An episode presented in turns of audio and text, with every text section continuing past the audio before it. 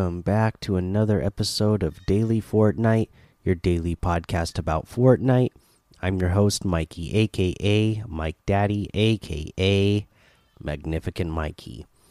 We got a couple of things going on with the uh, status of Fortnite here tonight, and again, uh, some Xbox issues going on. So I don't know what's uh, Microsoft has going over has going on over there uh, with the Xbox issues, but uh, this was tweeted earlier, just a couple hours ago, January 23rd. We've heard that some users might be having sign might be having trouble signing into their favorite Xbox One games. We currently have our engineers working on the issue. Thanks for your patience. In the meantime, check for updates at and then they have a link.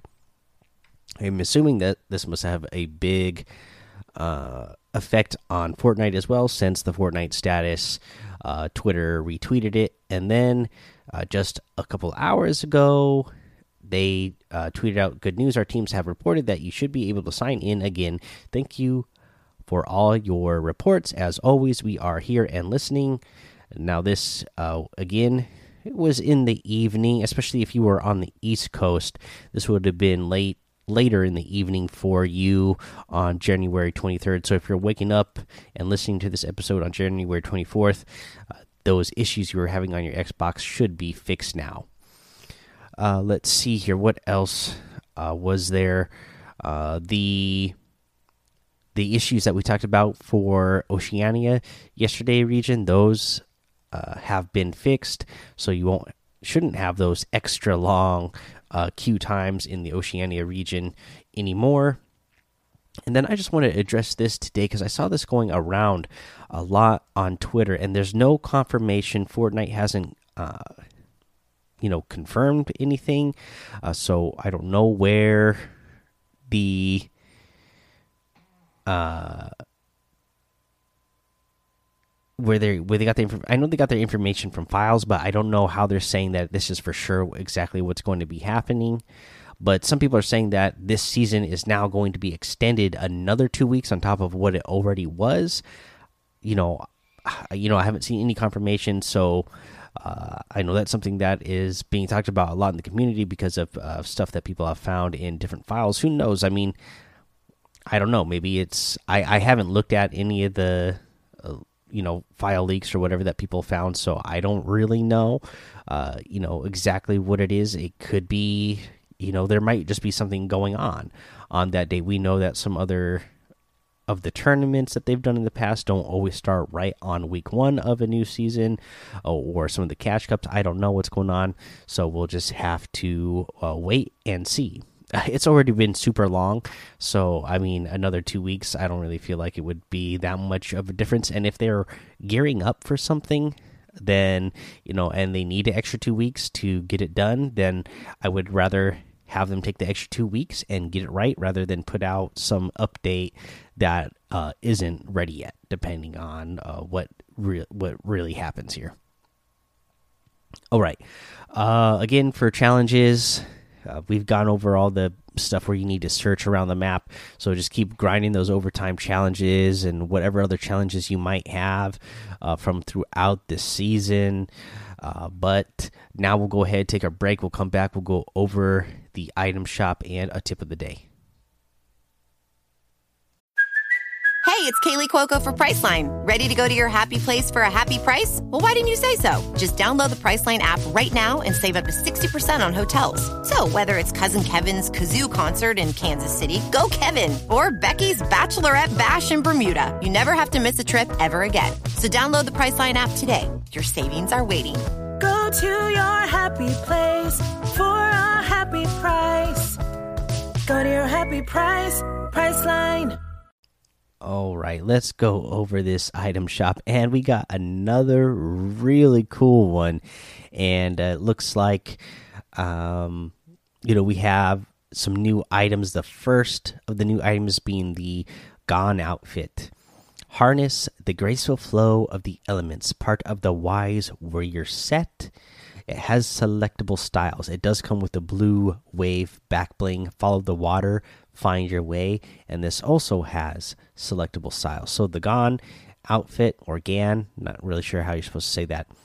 Either way, So it has two selectable styles: the default and the yellow.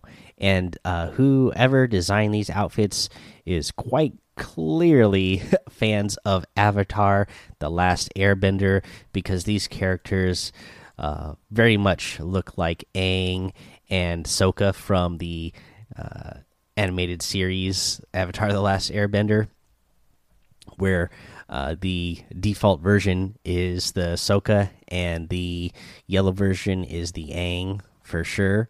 Uh, you know, so you really have a water element and a uh, uh, airbender. So I don't know. I I really like it, and and it just so happens that again, both of these styles, they're these, you know, they're the style outfits that I really like, where uh, they look good.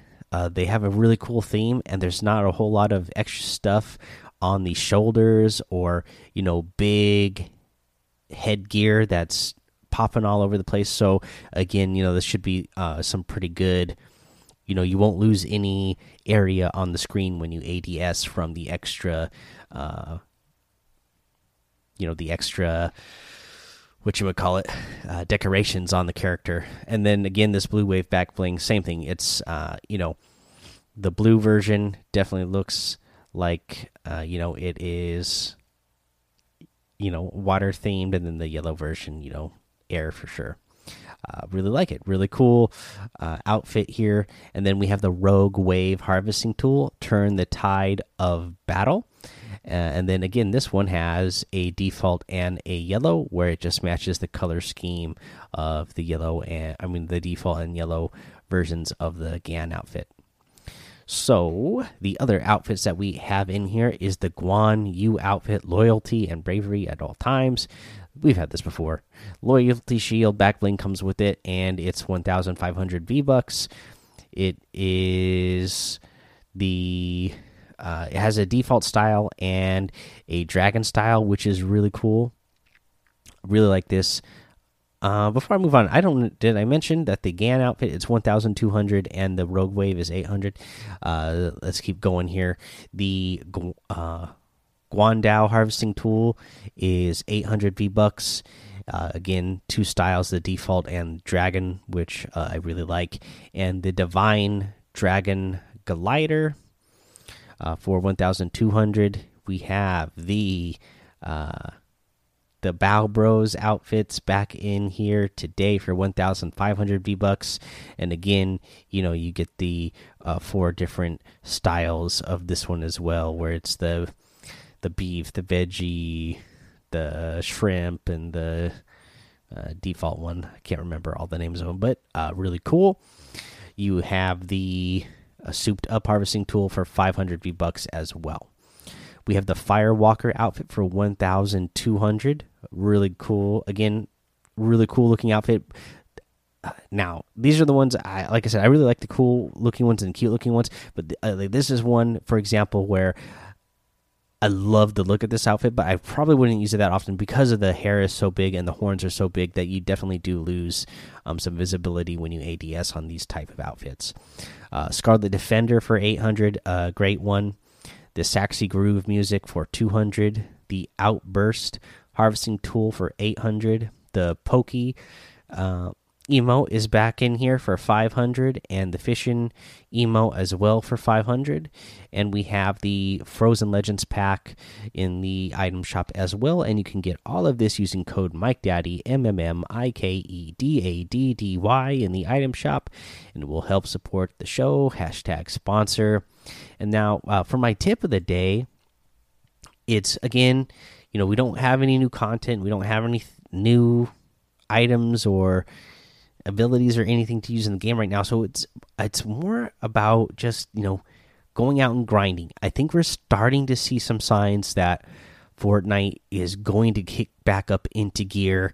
You know, this winter season was really slow. And again, I understand that, especially a couple weeks before and a couple weeks after Christmas. You want to give these developers that are working hard, so hard year round, some time off and, you know, maybe some regular hour days rather than having to work uh, crazy hours every day that they do the rest of the year. I know how that goes being, you know, uh, a mailman myself uh, on and doing overtime, uh, you can get pretty long. Sometimes it wears on you, and sometimes you just uh, need a a time of the year where you can get a little break.